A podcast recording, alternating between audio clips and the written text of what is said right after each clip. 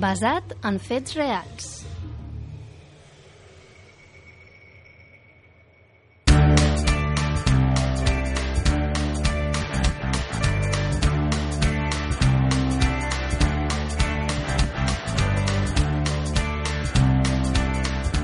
Benvinguts de nou a Basat en Fets Reals. Avui us portem un tema que és una mica de ciència-ficció, o no, depèn de cadascú. I és que avui parlarem d'ovnis. Nosaltres no sabem què s'amaga darrere dels famosos objectes voladors no identificats. Realment és possible que hi hagi vida a altres planetes? I si és així, és possible que vinguin a visitar-nos? No en tenim ni idea, però el cert és que això s'ho ha preguntat tothom alguna vegada. Per analitzar el tema parlarem de les diferents teories al voltant d'aquest fenomen, amb les de sempre. L'Erca Saura, com estàs? Molt bé, bon dia. Júlia Sánchez. Hola, què tal? I qui us parla, Clara Ardèvol. Benvinguts de nou i comencem.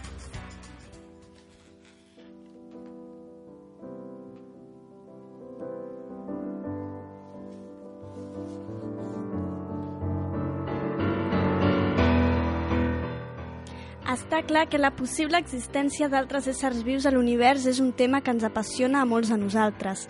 Tot i que han estat molts els avistaments de possibles ovnis d'arreu del planeta, s'ha de dir que actualment encara no existeix cap teoria que hagi esbrinat què són. Així pot ser que aquestes naus, per dir-ho d'alguna manera, pertanyin a éssers interespacials o no. També pot ser que siguin un tipus d'avions desconeguts, qui sap. Així, ningú ha confirmat o desmentit la presència d'extraterrestres, i menys que hagin vingut realment al nostre planeta. Potser, tal com diu Sigmund Freud, la prova més clara de que existeix vida intel·ligent a altres planetes és que encara no ha vingut a visitar-nos. Tot i així, sí que existeixen diverses hipòtesis que fan creure que algú ens ha estat visitant des de fa molt de temps.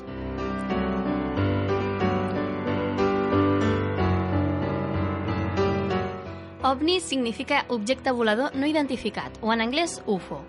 Unidentified Flying Object. Aquest nom fa referència a tot allò observable que no es pot explicar per cap fenomen natural o, o meteorològic, astronòmic, artificial, referents als, als aparells construïts a la Terra com naus o satèl·lits. Omni, per tant, no vol dir extraterrestre. Simplement és, es refereix a un objecte volador que no se sap què és. Aquest fenomen no es pot estudiar a través del mètode científic, ja que no s'ha pogut portar un ovni al laboratori per observar-lo. No obstant, actualment existeix l'urtu... l'ur... l'urtu... l'ortotania, perdó, les lleis de la qual van ser formulades per Aimé Michel. L'ortotania? Sí, es tracta d'un estudi sobre el moviment dels ovnis. Durant la dècada dels, dels anys 50 hi va haver una forta onada d'avistaments. Per tal de fer front a les crítiques sobre la poca credibilitat d'aquests i la subjectivitat dels diferents casos, Aimé Michel, un ufòleg, va donar-se que molts dels avistaments entre les diferents parts del món coincidien sobre una mateixa línia recta perfecta. Així doncs, aquest mètode va eliminar els factors d'atzar mitjançant el traç de línies rectes que uneixen punts en diferents parts del mapa terrestre, com per exemple entre França i Itàlia del Nord, on al llarg d'aquesta hi havia hagut més de tres observacions. Per exemple, el 24 de setembre de 1954 es va establir la línia Babic, quan es van registrar nou observacions a França. Sis d'aquestes observacions tenien la mateixa alineació que anava de Bayona a Vichy. Segons l'ex Mevan, investigador nord-americà, la probabilitat de que, els nou, de que els nou punts, si es coincidissin en una línia recta, és tan mínima que es fa difícil pensar en la casualitat. Aquesta línia s'ha anat allargant per tot el globus terrestre al llarg del temps amb nous avistaments sobre la mateixa. Així, per a molts, creure en els ovnis és similar a creure en els àtoms, que tampoc es poden veure.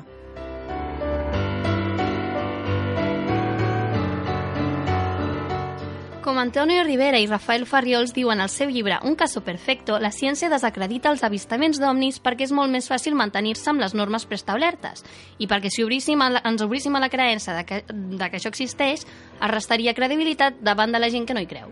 S'ha parlat de moltes hipòtesis per explicar el fenomen dels ovnis, però la hipòtesi que explica un major nombre d'aspectes de la qüestió, segons Rivera i Ferriols, és la interplanetària, és a dir, l'extraterrestre, plantejada pel doctor en física James Edward McDonald.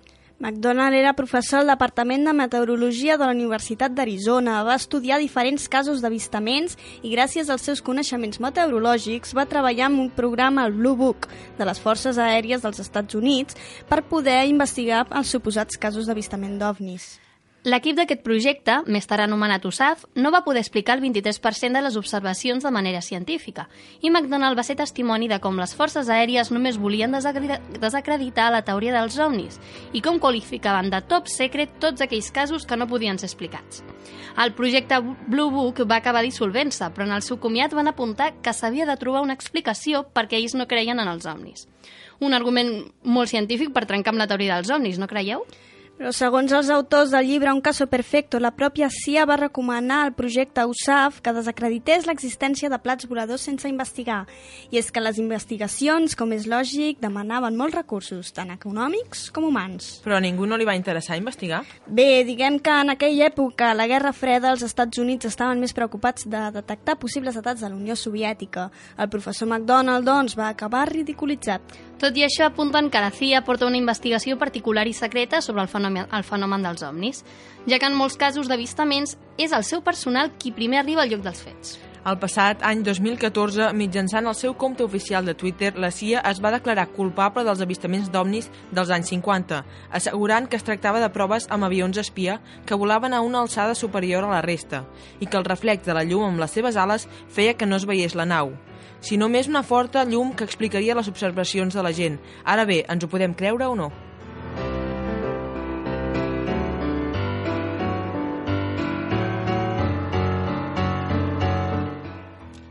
Una altra hipòtesi per explicar aquests avistaments és la del miratge.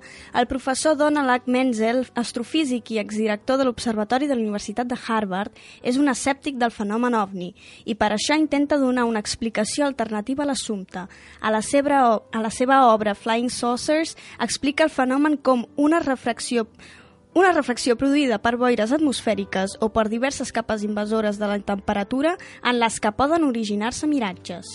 Aquests miratges serien causats per la deformació de planetes o estrelles que semblen més grans del que realment són, o bé perquè aquests són capaços de moure's a gran velocitat. Bé, sigui quina sigui la realitat que explica aquest fenomen, si una cosa està clara és que d'avistaments no d'ovnis hi ha per donar i per vendre, a tot arreu del planeta. Tot seguit, us parlem dels més famosos i curiosos.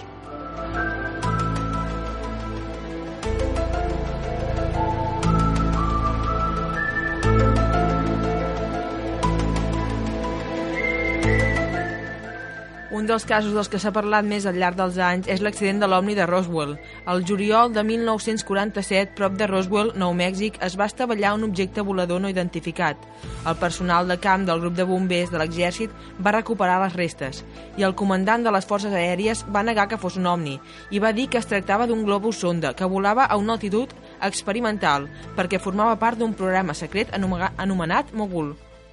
Tot i això, molts investigadors del fenomen OVNI no es van creure aquestes declaracions i van seguir investigant.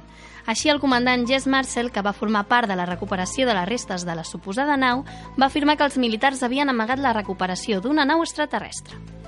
Més endavant, els investigadors Taton Friedman i William Moore van posar en comú diferents entrevistes, una d'elles a l'astronauta de l'Apolo, el doctor Edgar Mitchell, aquest afirmava que havia vist els expedients ovnis secrets i que no hi havia dubte del contacte amb extraterrestres.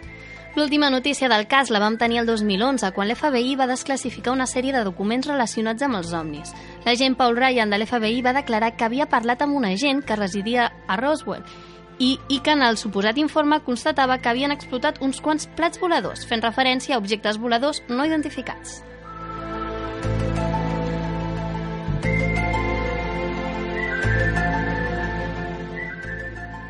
A Teheran, el 1976, es va detectar un objecte sense identificar que volava sobre la ciutat. Davant d'aquest fet, dos avions de l'exèrcit de les forces aèries van enlairar-se per tal de perseguir i identificar l'objecte en qüestió. Tot i això, un cop detectat, s'hi van acostar i les dues naus terrestres van quedar sense control, perdent tota comunicació amb la Terra i qualsevol maneig de la nau. A l'allunyar-se de la llum que desprenia l'objecte perseguit van recuperar el control sobre la nau, però van ser incapaços de determinar de què es tractava. Els especialistes dels Estats Units van afirmar que aquest cas era culpa de la falta d'experiència dels pilots que van confondre Júpiter amb un Omni, juntament amb el mal funcionament dels equips de vol. Una mica difícil de creure, no? Bé, potser sí que eren una mica despistats. A Bèlgica, entre l'any 1989 i 1990, hi va haver unes 13.000 persones que van afirmar haver vist ovnis de forma triangular i negres que flotaven per sobre de diferents ciutats del país a relativa baixa altitud, cosa que permetia una bona claredat. El primer d'aquests avistaments va ser el 1989, quan un ovni triangular va sobrevolar la ciutat d'Eupen. Dos policies es trobaven a prop d'una carretera que unia Eupen amb un altre poble. L'objecte estava immòbil a l'aire i desprenia una forta llum amb tres rajos potents. Al centre de la nau hi havia un far giratori vermell. Al cap de poca estona, la nau es va dirigir cap a l'interior del poble, sobrevolant diferents cases i el propi ajuntament, deixant un, un gran nombre de testimonis al seu pas. Aquests fets van ser recollits per la Societat Belga per l'Estudi de Fenòmens de l'Espai, ja que entre els testimonis hi havia militars, pilots, científics, policies i fins i tot enginyers, que eren incapaços d'explicar els fets de manera científica i racional. Les forces aèries del país van intentar perseguir aquests objectes sense cap resultat concloent. Sí, i és que els ovnis no en tenen de classes socials ni de càrrecs, perquè hi ha hagut més d'un president que ha afirmat haver vist algun ovni al llarg de la seva vida. Per tant, lluny de negar-los, asseguren estar completament oberts a la possibilitat de l'existència d'altres éssers a l'univers i que aquests hagin vingut al nostre planeta. Així, Jimmy Carter, el, president, el que va ser president dels Estats Units entre 1977 i 1980, va afirmar haver vist un ovni durant una nit a Geòrgia. L'objecte sobrevolava una escola de la ciutat i emetia una llum brillant, multicolor i circular, fins que va desaparèixer de cop. Altres expresidents també han assegurat haver vist o creure en els ovnis, com Bill Clinton o Ronald Reagan.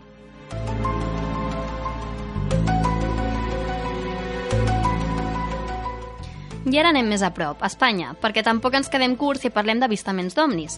Podríem parlar, per exemple, del cas de l'aterratge de Luche. Segons els mitjans del moment, un diumenge pel matí, al barri de Luche va aterrar una nau amb característiques similars a un plat volador. Poc després va tornar a aixecar el vol i va marxar. Segons Antonio Rivera i Rafael Ferriós, va haver diferents testimonis que asseguraven aquests fets i també van aparèixer una sèrie de fotografies de les marques al terra que, en teoria, havien deixat l'OVNI. A més, una zona de la Terra va quedar mig carbonitzada. Els testimonis van afirmar que no es tractava de cap avió ni helicòpter i que era un objecte molt estrany i difícil de descriure, com si fos d'un altre món. Un altre incident va tenir lloc a les Illes Canàries el 22 de juny de 1976, quan un omni va ser observat a les diferents ciutats de Tenerife, Palma, La Gomera i Gran Canària. L'objecte va estar volant per sobre del territori durant més de 40 minuts, deixant nombrosos testimonis que anaven des de civils a policies i personal militar. Segons alguns experts, es tractava de missils que, de missils que un submarí nord-americà disparava des d'alta mar en unes proves de balística, però aquesta teoria mai ha estat confirmada. I per últim, el cas de Manisses. El nombre, el, l'11 de novembre de 1979, un avió comercial que sobrevolava la ciutat de València va haver de fer un, un aterrissatge d'emergència. Aquest avió s'hauria topat amb unes llums molt fortes que li impedien continuar el vol. L'exèrcit aeri va perseguir aquestes anomalies durant una llarga estona, però tampoc van, trobar, van poder trobar-li explicació. Els més escèptics creuen que les llums vistes pels pilots del vol comercial eren les flames que treien les torres de combustió de la refineria d'escombraries de Cartagena, tot i que és una mica surrealista pensar que això pogués fer aterrar un vol comercial i implicar les forces de l'aire. Des de llavors són nombrosos els casos d'avistament d'omnis que hi ha hagut. Nosaltres us hem recollit alguns d'ells perquè ens han semblat més interessants i importants per plantejar-nos que l'existència de visitants al nostre planeta es mereix, si més no, una reflexió.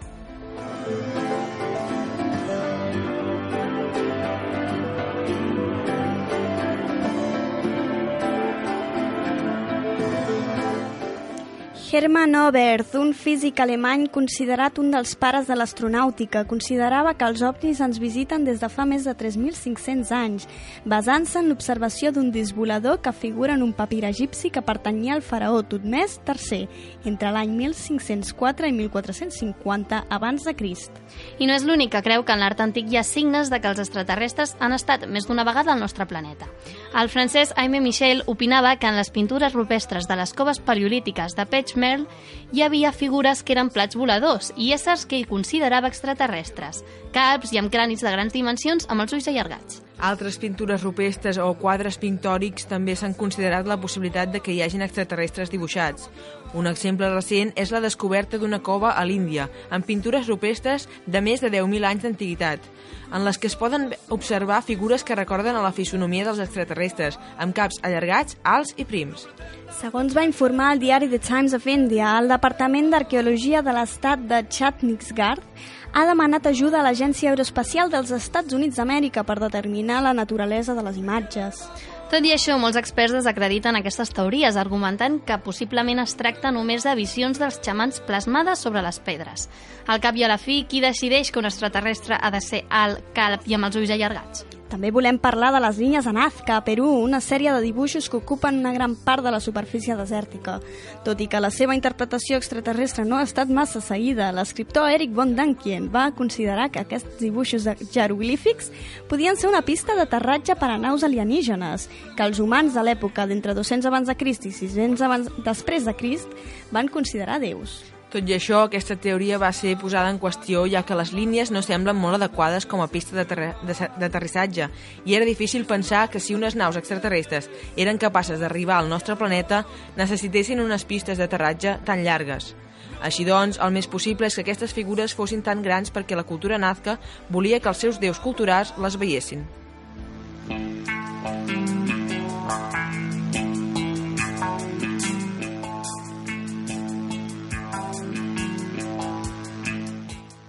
I com distingir un omni d'un avió, un helicòpter o qualsevol altre fenomen?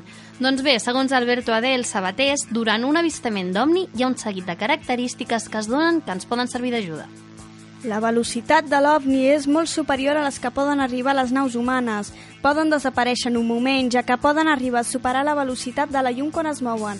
Tot i així, també poden volar amb lentitud quan estan a sobre d'una zona. Així doncs, a diferència dels avions, poden quedar-se quiets i moure's lentament examinant el territori. Tenen un fort camp electromagnètic que ocasiona trastorns a aparells que poden ser com brújoles, motors de combustió interna, pertorbacions en el funcionament dels avions, llums o dels automòbils o talls de llum. No produeixen cap tipus de soroll i si emeten algun soroll són sofisticats a diferència de les naus humanes, que normalment sí que produeixen un fort soroll perceptible per a tots. Emeten una forta quantitat de rajos de llum, a diferència dels avions o helicòpters, que normalment tenen poca il·luminació i a la nit són quasi imperceptibles.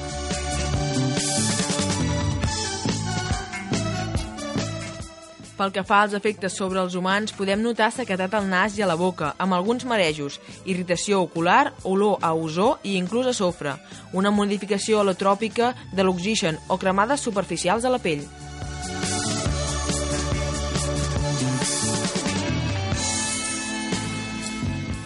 I coneixeu la pel·lícula Encuentros en la tercera fase de Steven Spielberg? Doncs bé, el nom fa referència a la teoria de la classificació segons el grau d'interacció entre el fenomen ovni i el testimoni que va proposar l'astrònom Allen Hynek. Segons ell, hi ha dos tipus d'observacions. La primera és l'observació a distància, que seria quan els ovnis són vistos al cel durant el dia o la nit, o detectats a través d'algun aparell com algun radar. La segona observació seria la propera, que inclou tres subcategories. De primera fase, observació de l'objecte en un radi de 150 metres o menys, sense que es produeixi cap interacció entre l'OVNI i el testimoni. També de segona fase, observació d'objectes que han deixat constància o evidències al pas d'un omni, com cremades, marques, mal funcionament d'aparells. I per últim, de tercera fase, aquesta última es refereix a quan es produeix una aparició de la presència material de l'ésser dotats de moviment i d'intel·ligència, i aquest té contacte visual amb un testimoni.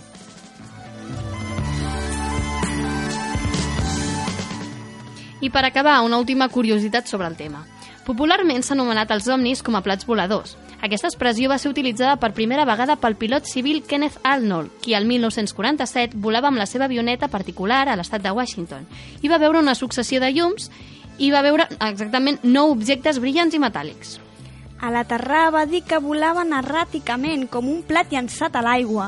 Els mitjans de comunicació van agafar la forma discoidial per descriure els ovnis, i així va néixer el terme plat volador, tot i que Arnold no es referia exactament a la seva forma, sinó al seu moviment. I passem ara a altres temes, però sense deixar de parlar d'extraterrestres. Doncs sí, i és que aquesta història de por d'avui és un cas suposadament real i parla precisament d'estranys avistaments que, que venen d'un altre món.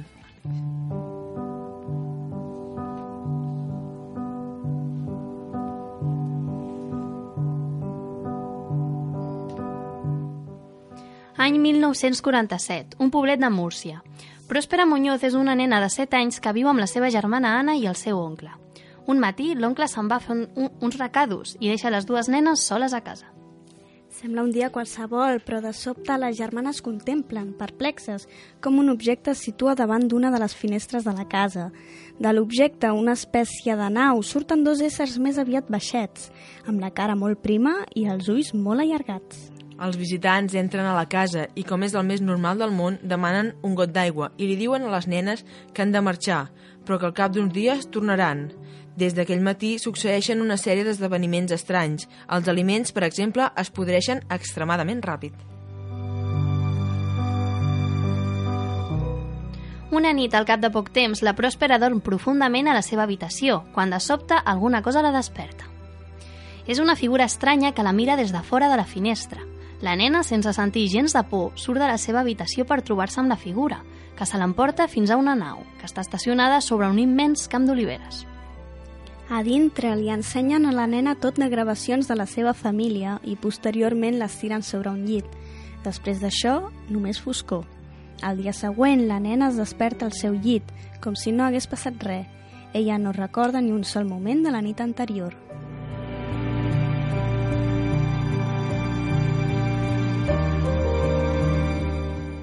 Passen 30 anys. La nena s'ha convertit en dona i un bon dia fulleja alegrement un llibre que ha arribat a les seves mans per casualitat. Alguna cosa del llibre fa que un calaix fa que un calaix de la memòria d'aquells que de vegades resten tancats durant anys, de sobte s'obri. Llavors, la Pròspera recorda tot el que va passar aquella nit i recorda també l'última sentència d'aquells increïbles éssers. No recordaràs res fins que no passin 30 anys.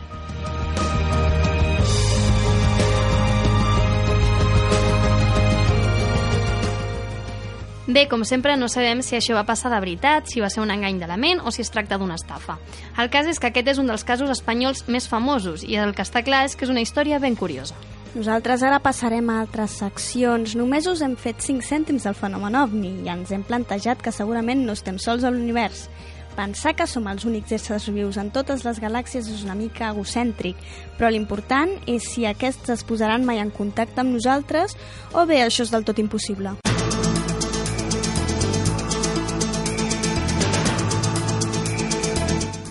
Us imagineu la guerra de les galàxies dels nostres dies?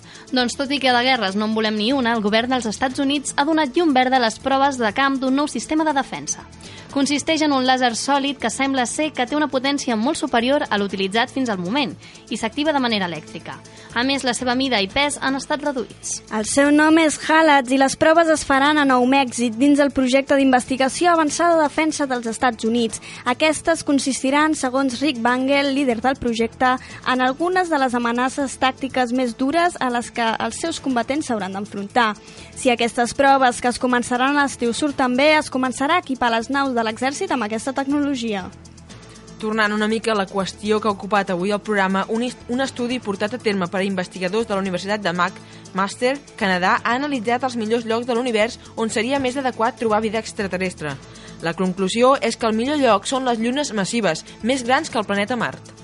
Per arribar a aquesta conclusió, els científics han analitzat els sistemes planetaris a través d'observacions i dades del nostre propi sistema solar i han determinat que en aquestes llunes es compleixen les tres característiques que permeten l'existència de vida. Seria tenir una font d'aigua per mantenir la vida, una mida suficient i una posició respecte a la seva estrella adequada. El líder de l'estudi ha declarat que fins al moment els investigadors s'havien centrat en buscar signes de vida a altres planetes, però que la resposta podria estar en les llunes d'aquests, que podrien presentar un clima més adient per la vida. Els resultats dels estudis han estat publicats a les revistes Astronomy and Astrophysics i The Astrophysical Journal. I si us agradaria poder rejuvenir-vos, el tractament perfecte per aparentar menys anys encara no ha estat inventat, però les investigacions per rejuvenir el nostre cervell han fet un pas important. Sí, és que un equip d'investigadors de la Universitat de Califòrnia ha aconseguit donar els primers passos perquè això sigui possible. El cervell humà va perdent la seva flexibilitat durant els anys, mentre que el cervell d'un jove es, for es forma es va formant a través d'experiències que modifiquen les connexions neuronals. D'altra banda, el cervell adult quasi no es modifica. Els científics de l'experiment han utilitzat el trasplantament d'un tipus de neurones embrionàries a ratolins que tenien un problema de visió desenvolupat al principi de la vida. Després del trasplantament, els cervells dels ratolins adults tornaven a tenir una flexibilitat que permetia que es formessin noves connexions, de tal manera que tornaven a tenir una visió perfecta. Així es recuperava la joventut del cervell reactivant-lo. Aquest descobriment pot obrir portes en la investigació del cervell humà en el camp de l'esquizofrènia, l'autisme o els trastorns cerebrals actualment incurables. Bé, i finalment acabem amb una molt mala notícia pel món del coneixement. Mor John Fornes Nash, el famós Premi Nobel de Matemàtiques que va inspirar la pel·lícula Una mente maravillosa, del 2001. Era un personatge especialment destacat per la seva genialitat i per conviure durant la seva vida amb una esquizofrènia paranoica, que li va ser diagnosticada als 30 anys i que el portaria a intentar trobar les proves d'una suposada conspiració mundial, fins que va acabar sent conscient de la seva malaltia i va acabar convivint amb ella. Bé, nosaltres ho deixem aquí per avui. Recordeu que abans de l'estiu encara tenim un programa pendent amb nosaltres, que segur que us interessarà. Fins ben aviat.